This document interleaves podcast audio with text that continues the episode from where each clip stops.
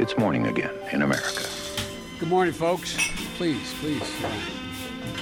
Come on, let's go. Let's go get some coffee. Thank you very much. Det er mandag 5. februar, og morgenkaffen fra amerikanskpolitikk.no er servert.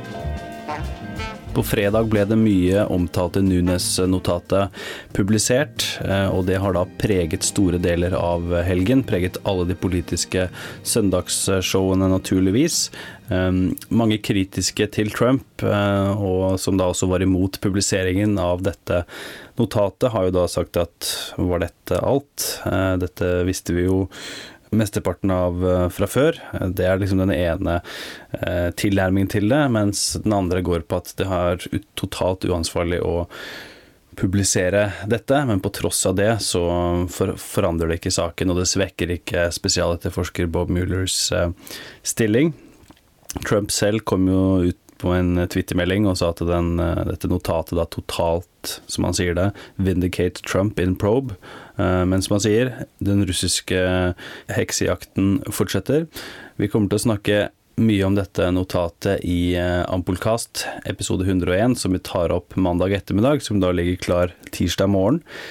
Med det sagt, Nunes, Devin Nunes, denne lederen av etterretningskomiteen i Representantenes hus, som som står bak dette notatet, eh, har varslet at det kan komme flere slike notater eh, framover om litt ulike eh, saker i tilknytning til FBI og Justisdepartementet og etterforskningen av Trump, mens demokratene nå ønsker å få publisert sitt eget notat, som da punkt for punkt for punkt går igjennom dette Nunes-notatet med tilleggsopplysninger som setter det i et litt annet lys.